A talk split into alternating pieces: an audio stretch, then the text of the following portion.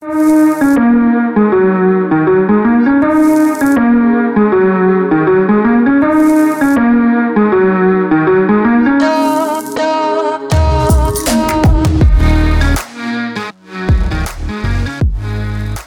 jest Układ Otwarty, a ja nazywam się Igor Jankę.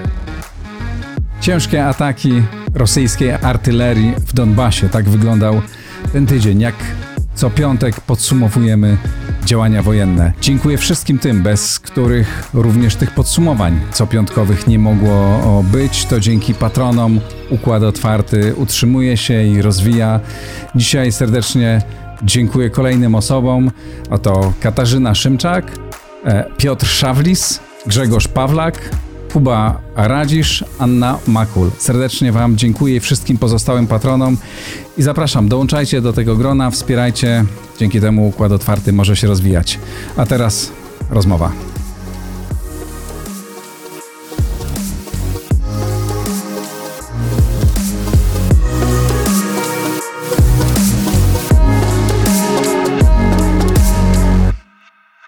Waldemar Skrzypczak, były dowódca a, polskich sił lądowych, generał Waldemar Skrzypczak. Wystarczy. Dzień dobry. Dzień dobry panu, dzień dobry Jak państwu. co, dobry. jak co piątek. Co dzieje się e, na froncie? Rozumiem, że przede wszystkim koncentracja środków artyleryjskich i ciężkie bombardowania, ciężkie ataki rakietowe. Znaczy, generalnie jest prowadzona operacja zaczepna, którą Rosjanie prowadzą na kierunku północnym, czyli dla nich jest to rejon Donbasu, łuku donbaskiego, gdzie próbują przełamać obronę ukraińską, a jednocześnie prowadzą jeszcze drugą operację, o czym się nie mówi, ale warto o tym wiedzieć, prowadzą operację izolacji rejonu działań. Co to jest znaczy izolacja rejonu działań? Znaczy, Izolacja rejonu działań. Tak Aha. jest. Czyli oni robią wszystko, żeby odwody ukraińskie z zachodniej Ukrainy nie dotarły do rejonu operacji, do rejonu łuku donbaskiego. Czyli chcą zablokować możliwość e, blokują wszystkie wsparcia. węzły komunikacyjne, niszczą mosty, przeprawy przez Dniepr, bo przecież Dniepr mają te wojska do pokonania, niszczą węzły komunikacyjne, niszczą trasy kolejowe, niszczą drogi. Szczęśliwie Ros- y, Ukraińcy mają specjalne oddziały, które w ciągu kilkunastu godzin usuwają te uszkodzenia, ale jednak to opóźnia dopływ świeżych sił zachodniej Ukrainy do rejonu łuku, donbaskiego. Zatem ta operacja, która się toczy w łuku donbaskim jest operacją bardzo złożoną. Ona, jeżeli chodzi o Rosjan, Rosjanie wykonują uderzenia na trzech kierunkach. Oczywiście te uderzenia poprzedzone są silnym, dewastującym, demolującą obronę ukraińską ogniem artylerii, ogniem rakiet, które ostrzeliwują wszystkie pozycje obronne Ukraińców, zabijając ich obrońców oczywiście. Także Ukraińcy też w tych operacjach giną. I, po, I niszczą przede wszystkim niszczą infrastrukturę, tak. miasta, e, wszystko. niszczą te, głównie te e, punkty oporu, gdzie Mhm. Ukraińcy się bronią. Czy to w mieście, czy poza miastami, czy w transzejach, okopach. Po tych pozycji obronnych w tamtym rejonie Ukraińcy przygotowali kilkanaście nawet. W związku z tym postęp operacji. Kilkanaście w sensie jedna za Jedna drugim, za tak? drugą w Mhm. odległości każda, półtora do dwóch, a czasami trzech kilometrów, zależnie od ukształtowania warunków terenowych, bo je się wykorzystuje dogodne warunki terenowe do organizacji obrony, y, do pozycji, organizacji pozycji obronnych. Głównie to są rzeki. Na tych rzekach organizuje się obronę, ponieważ zawsze pokonanie rzeki przez przeciwnika pod ogniem jest niezwykle procesem złożonym. Ukraińcy bronią się skutecznie przed trze- trzema uderzeniami. Jedno jest od północy, od sławnego Iziumu, gdzie postęp, postęp tej operacji rosyjskiej jest bardzo niewielki, straty za to bardzo duże. Od kierunku zachodniego, czyli od Ługańska i od kierunku południowego. Straty rosyjskie są bardzo Straty duże. są bardzo duże i od kierunku południowego, od Zaporoża, po to, żeby wojska ukraińskie w tym rejonie łuku donbaskiego okrążyć, a w konsekwencji zlikwidować. Ukraińcy Ale natomiast... przepraszam, czytałem tam e, w jakimś amerykańskim źródle, e, zresztą w tym, którego, nie w jakimś w tym e, Institute of Strate- Strategy of War, skąd pokazuję Państwu e, Mapę. e, że tam kolejne miasteczka powoli, to nie są wielkie zdobycze, ale jednak ci Rosjanie powoli Zgoda. się posuwają. Kolejne wioski e, Zgoda zdobywają. i to jest, bym powiedział, tak naturalne i z tego jako dowódca dowodzący operacją obronną dramatu bym nie robił. To jest naturalne, że Rosjanie przy tej masie artylerii, przy tej masie rakiet, które wy, wystrzeliwują w te pozycje obronne, siłą rzeczy niszczą wszystkie siły, które tam się bronią. W związku z tym podejrzewam, i tak pewnie bym też i ja zrobił, żebym te wojska wyprowadzał na kolejny rubież obronny, unikając tej dewastacji, zabijania od ognia artylerii. I tak pewnie Ukraińcy robią, ustępując. Czyli wycofują. Wycofują się na kolejne pozycje obronne, które są też przygotowane, a te, które opuszczają, są tak zabezpieczone, że zajmują dużo czasu Rosjanom, żeby oni je panowali, bo one są zaminowane, tam jest mnóstwo miejsc powysadzanych w powietrze, zatem Rosjanie mają z każdą, nawet opuszczoną pozycją, wielki problem, żeby ją opanować. Postęp A operacji jest... Na ile te straty, na ile, na ile pan ma wiedzę e, na temat strat ukraińskich, e, bo Ukraińcy siłą rzeczy nie, e, tego nie podają.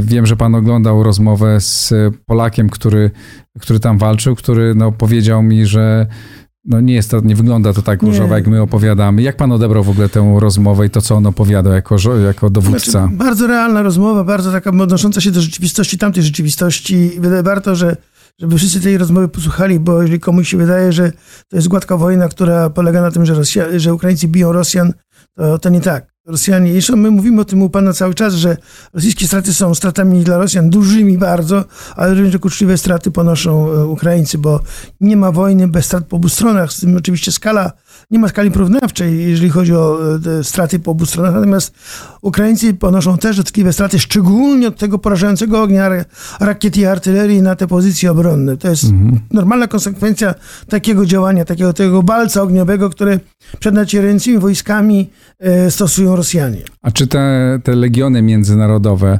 e, w których walczy ten mój rozmówca, którego nazwiska nie możemy podać, czy one pańskim zdaniem odgrywają znaczącą rolę i czy to są wojska wysokiej, e, wysokiej jakości, no bo domyślam, że część ludzi jest dobrze przeszkolonych, ale oni są z różnych, z różnych bajek, z różnych państw, z, różne, z rozmaitymi doświadczeniami. Znaczy mają dwie, dwa walory. Są to żo- byli żołnierze, to jest pierwszy walor, a drugi to oni są zmotywowani do walki z Rosjanami. Mhm. I to są takie dwa atuty, które mają żołnierze legionów, które które świadczą o tym, że, że to jest wojsko dobrze przygotowane do działań. Przy czym to jest piechota lekka, można powiedzieć. Oni walczą jako lekka piechota i w związku z tym oni są używani, używani tylko do głównie walki w rejonie zurbanizowanym, walki w mieście, tam gdzie użycie takich wojsk jest jak najbardziej uzasadnione.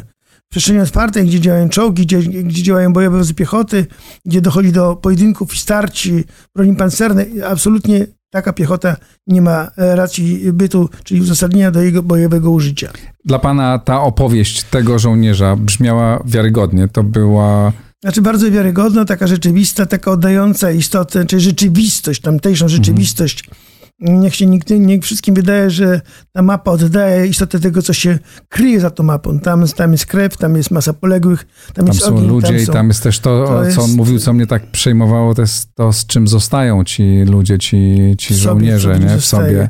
Znaczy, to z, jakimi, jest, są... jak pokiereszowa, nawet zakładamy, że im się wiele, wielu z nimi uda wrócić, ale jak pokiereszowani psychicznie oni e, wrócą z tej wojny. A czy y, powiem panu tak, że każdy, który się podejmuje takiej misji, powinien mieć świadomość tego, z czym może wrócić.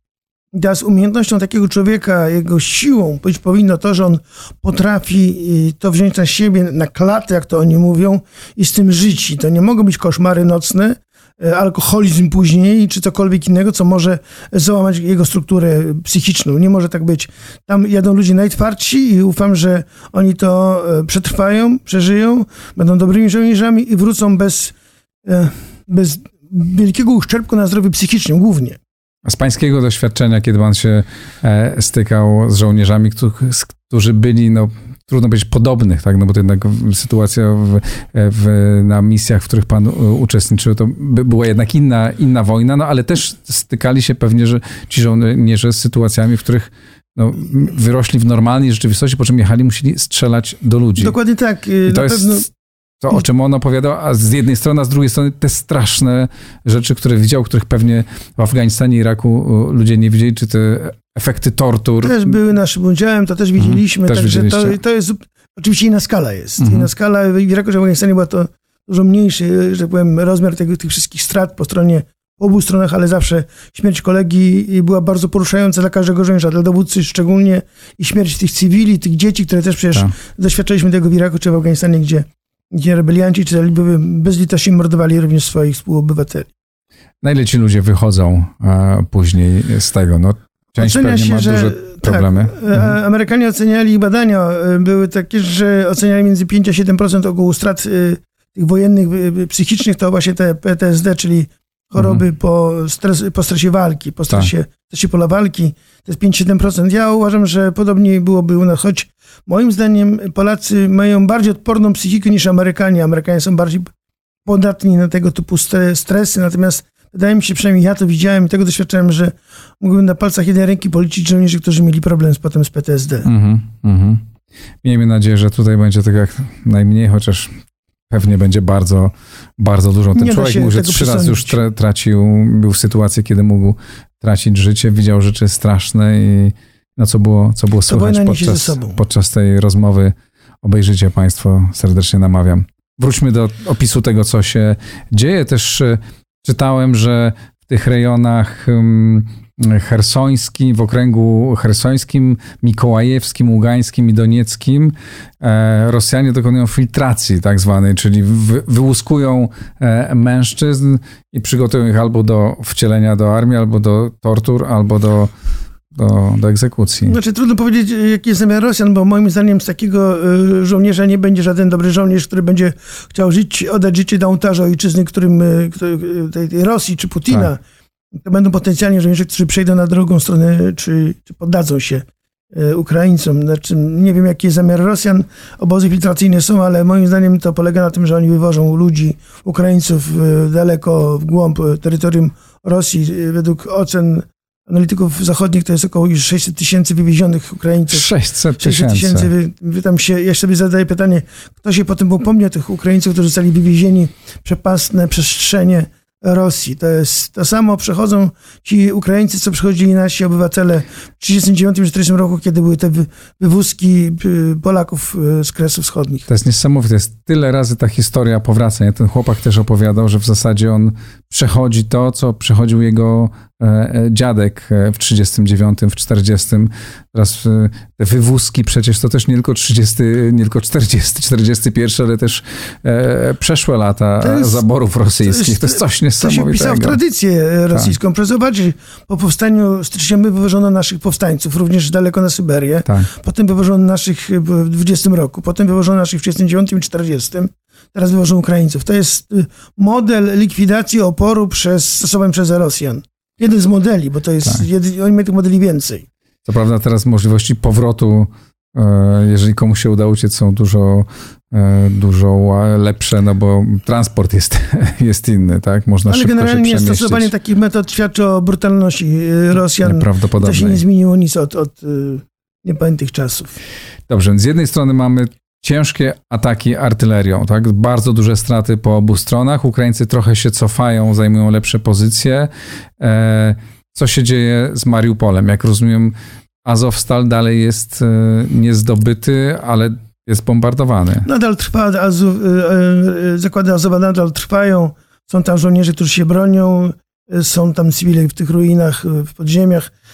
Rosjanie w zasadzie poza, poza atakami bombowymi, rakietowymi Oszam artylerii innego, inne, innych ataków nie stosują, więc oni chcą wziąć, chcą zniszczyć y, wszystkich, zabić wszystkich i pogrzebać w ruinach obrońców y, Azowa.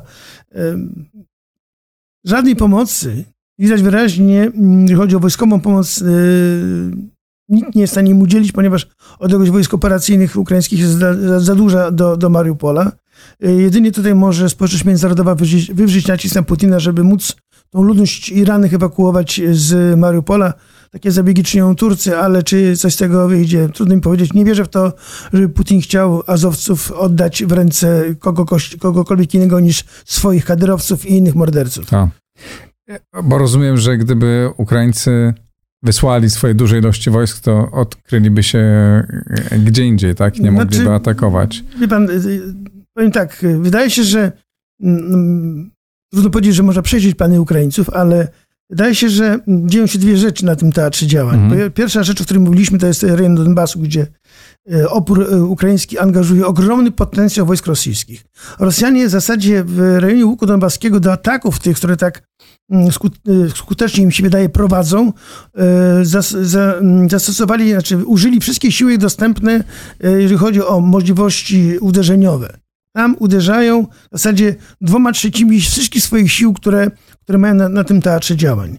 Na kierunku hersońskim yy, prowadzą yy, walki w obronie tych pozycji, które udało im się w wcześniejszej operacji uchwycić. I nie wydaje mi się w tej chwili, żeby byli w stanie na tym kierunku prowadzić operacje zaczepne, czyli atakować pozycje wojsk ukraińskich, być może poza ostrzem artyleryjskim, rakietowym. Co, co może się wydarzyć? Wydarzy się może to, że w tej chwili Ukraińcy być może do 9 będą się bronili, bo mm, taką cezurą czasową dla Rosjan jest 9 maja, gdzie chcą ogłosić sukces. Jaki to będzie y, sukces, to może o tym za chwilę porozmawiamy, co mogą zrobić Rosjanie. -hmm. Natomiast widać wyraźnie, że Ukraińcy dzięki temu, że dostają zapatrzenie od Rosjan, y, znaczy od Rosjan, przepraszam. Od Zachodu. Od Zachodu dostają środki walki, dostają uzbrojenie od Zachodu. Oni dzięki temu formują nowe jednostki. Mają duży potencjał ludzki, który czekał na sprzęt Zachodu. I ten sprzęt, oni go teraz obsadzają, formują nowe jednostki. Te jednostki powoli już przegrupowują się do rejonu operacji, głównie na kierunek e, łuku donbaskiego, na północ od kierunku donbaskiego, na kierunku Charkowa i prawdopodobnie na kierunek hersoński. Co to może znaczyć? To znaczy może, że po pierwsze nie oddadzą Donbasu, będą się bić o Donbas i to jest, bym powiedział, taki główny na razie cel zasadniczy dla armii ukraińskiej, a jednocześnie osiągać zdolności do przejścia do działań zaczepnych, do być może kontrofensywy mhm. na kierunku północnym, co byłoby jak najbardziej uzasadnione, bo by mogli uderzyć na tyły armii rosyjskiej od północy i na kierunku południowym, odcinając wojska rosyjskie od, poprzez idąc przez Hersoń, odcinając je od Krymu. I w tym momencie wojska rosyjskie mogłyby się czuć okrążone od południa i od północy i siły, które wiążą w łuku donbaskim ogromne siły rosyjskie, powodują to, że Rosjanie będą w matni.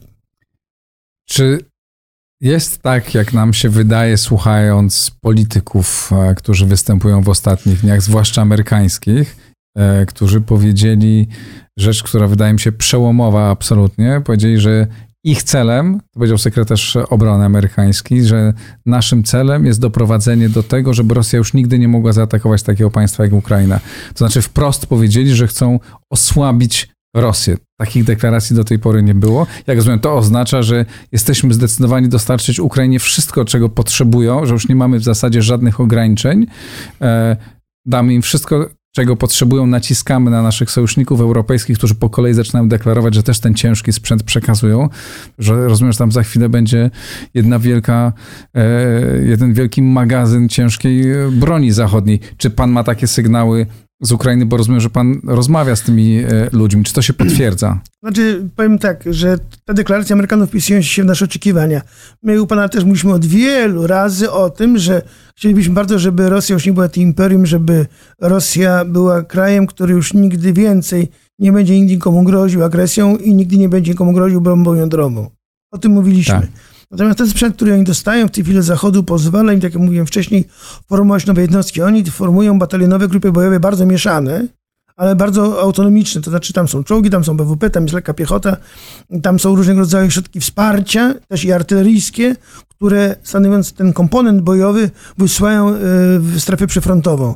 Te pododdziały najpierw wchodzą w strefę przyfrontową, jakby przychodzą aklimatyzację w warunkach bojowych, to jest potrzebny dla żołnierzy, żeby się oswoili z ogniem, z hukiem, ze wszystkim, po czym idą do walki. I często polega to na tym, że albo wzmacniają pododdziały, które walczą, albo je wymieniają, czyli nazywając to po wojskowemu, luzują te pododdziały, które są mocno zużyte. Przecież mm. mówiliśmy o tym, że wojska ukraińskie też są zużywane. I te pododdziały zużyte wycofują się do strefy przyfrontowej, gdzie odtwarzają zdolność bojową, dostają nowy sprzęt, dostają uzupełnienie w stanie osobowym i ten pododdział jest za kilka, powiedzmy, dni, oceniam, że około 5-6 dni taki pododdział jest gotowy kolejny, kolejny raz do użycia w operacji. I tą, tą, ten mechanizm stosują y, Ukraińcy i dzięki temu, moim zdaniem, y, po dziewiątym, jeżeli się rozstrzygnie kwestia 9 maja, a to może do tego za chwilę wrócimy, to po dziewiątym być może Ukraińcy będą mieli zdolności do prowadzenia ofensywy. Okay. I teraz co się tak, może zdarzyć no 9? Właśnie, co się może zdarzyć do dziewiątego? Do dziewiątego i co Putin może ogłosić dziewiątego, bo coś musi ogłosić, tak? Bo on już... ogłosi do dziewiątego, y, patrząc na mapę tą, wyobraźmy sobie, że on w tej chwili wzdłuż Pokażmy linii, mapę, jeśli możemy. Wzdłuż tej linii frontu, która jest od północna od Charkowa aż po Mikołajów, ogłosi, że to był cel operacji specjalnej. Mhm. Że te tereny opanowane są właśnie cele, że były celem operacji specjalnej i on y, ogłosi, że to jest ta część terytorium Rosji, którą chciał wydrzeć w ramach tej operacji. Zachód nie uwierzy, ale Rosjanie uwierzą. Mhm. A to będzie adres do y, obywateli rosyjskich. I on to 9 ogłosi jako zwycięstwo wielkie, po czym oczywiście przeprowadzi referenda w tych obszarach, które są już przygotowane, wyniki są przygotowane. Wynik jest 99,9% jest za Rosją oczywiście, żeby nikt nie miał wątpliwości. Może jest pan nie tak precyzyjny, bo może będzie 98 albo 97. W każdym razie jestem bliski, bliski tych wyników, które leżą już w Kremlu przygotowane, na Kremlu przygotowane. E, I to będzie do dziewiątego. Mhm. A co po dziewiątym? Tak. Teraz wyścig z czasem dla obu stron. Ukraińcy cały czas zdolności odbudowują swoje i być może do dziewiątego uda im się tę, zrobić niespodziankę Putinowi i jakby zakłócić jego radość w dniu dziewiątego w czasie defilady, na przykład uderzeniem jakimś w dniu dziewiątego, zmasowanym uderzeniem odwodów, które Ukraińcy podciągają cały czas z głębi, z głębi. Maskując oczywiście swój manewr, żeby nie być ofiarami tych ataków rakietowych, które w ramach izolacji rejonu Rosjanie prowadzą. I jeżeli by się to udało, to byłby to wielki sukces armii ukraińskiej. I drugie, to wydaje mi się, że e, ten potencjał, który Ukraińcy odtworzą do 9 i po 9, pozwolić im, pozwalał im będzie na prowadzenie operacji ofensywnych, szczególnie na kierunku północnym i na kierunku południowym, wspominałem o tym, i wypierać stopniowo Rosjan z zajętych terytoriów. Mhm. Co zrobić mogą Rosjanie? Rosjanie niewiele mogą teraz zrobić, ponieważ Rosjanie do 9 nie ogłoszą mobilizacji powszechnej, bo jakby ogłosili mobilizację powszechną, jakby Putin to ogłosił, to by się przyznał do porażki operacji specjalnej. Tak. W związku z tym on będzie chciał trwać do dziewiątego, żeby nie zrobić tego, co może być wyrazem jego słabości, jego przegranej. Po dziewiątym liczy się należy z tym, że on ogłosi mobilizację państwa i armii, czyli przejdzie do tak jakby wojny totalnej z Ukrainą, czyli całe państwo rosyjskie się w tą wojnę może, może zaangażować i będzie ogłosił powszechną mobilizację. Z tym, że Emicik czasem gra na korzyść na razie Ukraińców i nasze wsparcie, Stanów, Stanów Zjednoczonych wsparcie musi być bardzo intensywne, dynamiczne, żeby armia ukraińska mogła te zadania, które bierze na siebie w tej chwili, wykonać po 9 też yy, maja. A wojska rosyjskie, które by były mobilizowane po 9 maja w ramach tej mobilizacji powszechnej, totalnej gotowości państwa do wojny z Ukrainą, one nie trafią na front wcześniej jak za kilka, kilkanaście tygodni, bo po mobilizacji wojska muszą yy, jakby się zgrać bojowo. No jasne. Jak zgrać bojowo. Tym bardziej, że już w tej chwili to nie będą najlepsze pododdziały, dlatego że to są rezerwowe pododdziały, które nie będą zmotywowane i które będą podobnie zdemoralizowane stratami, jakie poniosła armia rosyjska na froncie z Ukrainą. Tak. A co się dzieje w tych miejscach e, blisko granicy z Ukrainą po stronie rosyjskiej, gdzie tajemnicze pożary e, e, wybuchają, e, różne ważne miejsca strategiczne, ze znaczy logistycznie, strategicznie ważne miejsca wybuchają, coś się z nimi dzieje. Ja rozumiem, że to są ataki ukraińskie bronią dalekiego czy średniego zasięgu. Znaczy to są działania, można powiedzieć, ataki bronią być może dalekiego zasięgu, śmigłowców być może, bo takie były przekazy, ale jednocześnie na terenie Rosji w rejonach, gdzie są te składy amunicji, składy broni, mm, zapasy paliw, działają grupy dywersyjno-sabotażowe armii ukraińskiej, nawet niekoniecznie armii, ale jakichś sił, które się doraźnie organizują, ponieważ niekoniecznie e, tam e, są wszyscy zwolennikami Rosjan, tam są również tacy, którzy sprzyjają Ukrainie. Zatem e, składam to na karp możliwości rakietowych dalekiego, rakiet dalekiego zasięgu ukraińskich, jak i również na działania grup dywersyjno-sabotażowych ukraińskich, które dokonują aktu sabotażu. I jeszcze jest jedna rzecz, którą chciałbym pokazać. Otóż y, być może część magazynów y, pali się dlatego, że y, Rosjanie chcą ukryć fakt sprzedaży amunicji, środków walki w ramach tego, co było wcześniej udziałem oligarchów i wydawców wojskowych, czyli albo produkcji takiej nie było, która, za którą armia płaciła i do magazynów nic nie trafiało, tylko trafiało mm -hmm. powietrze w skrzynkach, a to okay. śladów, śladów nie może być po tym. Drugie to dowódcy wojskowi, tak jak było to wcześniej za na Ukrainie, sprzedawali broń i amunicję swoich jednostek wojskowych. Hmm. Ale obie te informacje są dobre. E, znaczy, myślę, wydaje, że mocno uzasadnione są i tak. wydaje się, że dużo w nich jest prawdy. Odessa jest tam atakowana również. Co tam się dzieje? Znaczy, w tej chwili atakują Odessę okręty podwodne z kalibrami, bo w Sewastopolu co jakiś czas ładują rakiety kalibr na okręty podwodne, chociaż te rakiety kalibry się im kończą. Oni uderzają w Odessę, chcą pokazać, że mają takie możliwości, ale moim zdaniem poza atakami powietrza, atakami rakietowymi nie ma innej możliwości zagrożenia Odessie, a ten temat Naddniestrza rozmuchany nadmiernie przez media i przez Kreml. O niczym nie świadczy, ponieważ te siły, które są na Dniestrzu, one są w tej chwili w szachu, ponieważ e, wyższej granicy od początku tej wojny stoją dwie pół brygady armii ukraińskiej, jedna zmechanizowana, wzmocniona i jedna brygada Gwardii Narodowej, które można powiedzieć, trzymają w szachu te siły, które są na Dniestrzu i one się nie ruszą, a najlepszym rozwiązaniem byłoby jakby chcieli się ruszyć, to natychmiast musi być kontrakcja armii ukraińskiej i zajęcie Naddniestrza. Czyli nie obawia się pan, że oni wejdą do Mołdawii? Znaczy generalnie nawet byłoby, powiem tak, z mojego, z wojskowego punktu widzenia, proszę mnie nie, nie, mhm. nie zrozumieć, e, Rosja jest w stanie wojny z Ukrainą, nie z Mołdawią. Tak. Więc raczej tutaj się trzeba spodziewać, że wejdą na Ukrainę, nie na Mołdawię. Mhm. Ale moim zdaniem nawet byłaby to dobra sytuacja, jakby weszli gdziekolwiek. Byłaby to okazja do reakcji przez wojska ukraińskie, które by zajęły Naddniestrze i zlikwidowały problem w ogóle Naddniestrza. Mhm. E, problem Mołdawii jest problemem chyba też nam bliskim, bo nam by zależało, moim zdaniem, na tym, żeby Mołdawia znalazła się w orbicie naszego zainteresowania, orbicie zainteresowania Unii Europejskiej, nie NATO, tak. Unii Europejskiej. Bo to by nam dało prawo, jakbyśmy przyjęli szybko Mołdawię, niezależnie od stanu gospodarki, do Unii Europejskiej, dali jej zastrzyk budżetowy, finansowy, żeby ona zauważyła, że Europie na niej zależy, to moglibyśmy później spokojnie wysłać grupę, grupy bojowe Unii Europejskiej, jak wielokrotnie już wysłaliśmy na przykład na Bałkany. No tak. Ale, e, ale e, szans na to, że Mołda sama Mołdawia jako taka przystąpi do Unii Europejskiej, to jest jeszcze Ale wie pan co, bardzo nie wolno nam przyszłości. zrobić tego błędu, jak zrobiliśmy w przypadku Białorusi. Odpuścić. Można było odpuścić, tak. odpuściliśmy no, i Zwłaszcza, że rząd jest prozachodni e, w Mołdawii, tak? To słabe państewko, okazji. ale... Nie ma lepszej okazji. No tak, ale to nie jest, to nie jest łatwe. To warto by było, żeby jednak, pan wybaczy, tak mówię, tłuste koty brukselskie się ruszyły mhm. i zaczęły podejmować jakieś szybkie no. decyzje, bo to to jest nasza przyszłość. Tak. Jeżeli oni tego nie rozumieją, to my to dla tej rubieży wschodniej to rozumiemy. Mołdawia jest nam potrzebna. Czy nie obawia się pan tego, że te ataki ciężką bronią, że one tak zdewastują dużą część Ukrainy, że to państwo zacznie tracić siły, zacznie tracić energię, że entuzjazm, e, wola walki może w pewnym momencie wygasnąć, czy osłabnąć, może nie wygasnąć zupełnie, tak, ale ludzie będą mieli po prostu, będą osłabieni, ich domy będą, no już są zdewastowane, a będzie zdewastowanych coraz więcej. Mhm. Znaczy wydaje się, że y, póki co ten czas gra na korzyść Ukraińców, trzeba go wykorzystać. Nie wolno go zmarnować. Oczywiście ma pan rację, długotrwała wojna wyczerpie wszystkich. Wyczerpie mhm. Ukraińców, wyczerpie Rosjan i wyczerpie naszą wolę, żeby Ukraińcom pomagać jakoś to jest typowe dla Unii Europejskiej czy dla NATO, że my się do tej wojny nagle przyzwyczaimy. Mhm. Oswoimy się z tą wojną i generalnie ona się będzie działa, ale już poza strefą naszego głównego zainteresowania. Tak. Nie wolno go dopuścić. Trzeba zrobić wszystko, żeby Ukraina tą wojnę wygrała. I postawmy tu e, kropkę e, w ten e, piątek. Bardzo serdecznie bardzo dziękuję. panu dziękuję.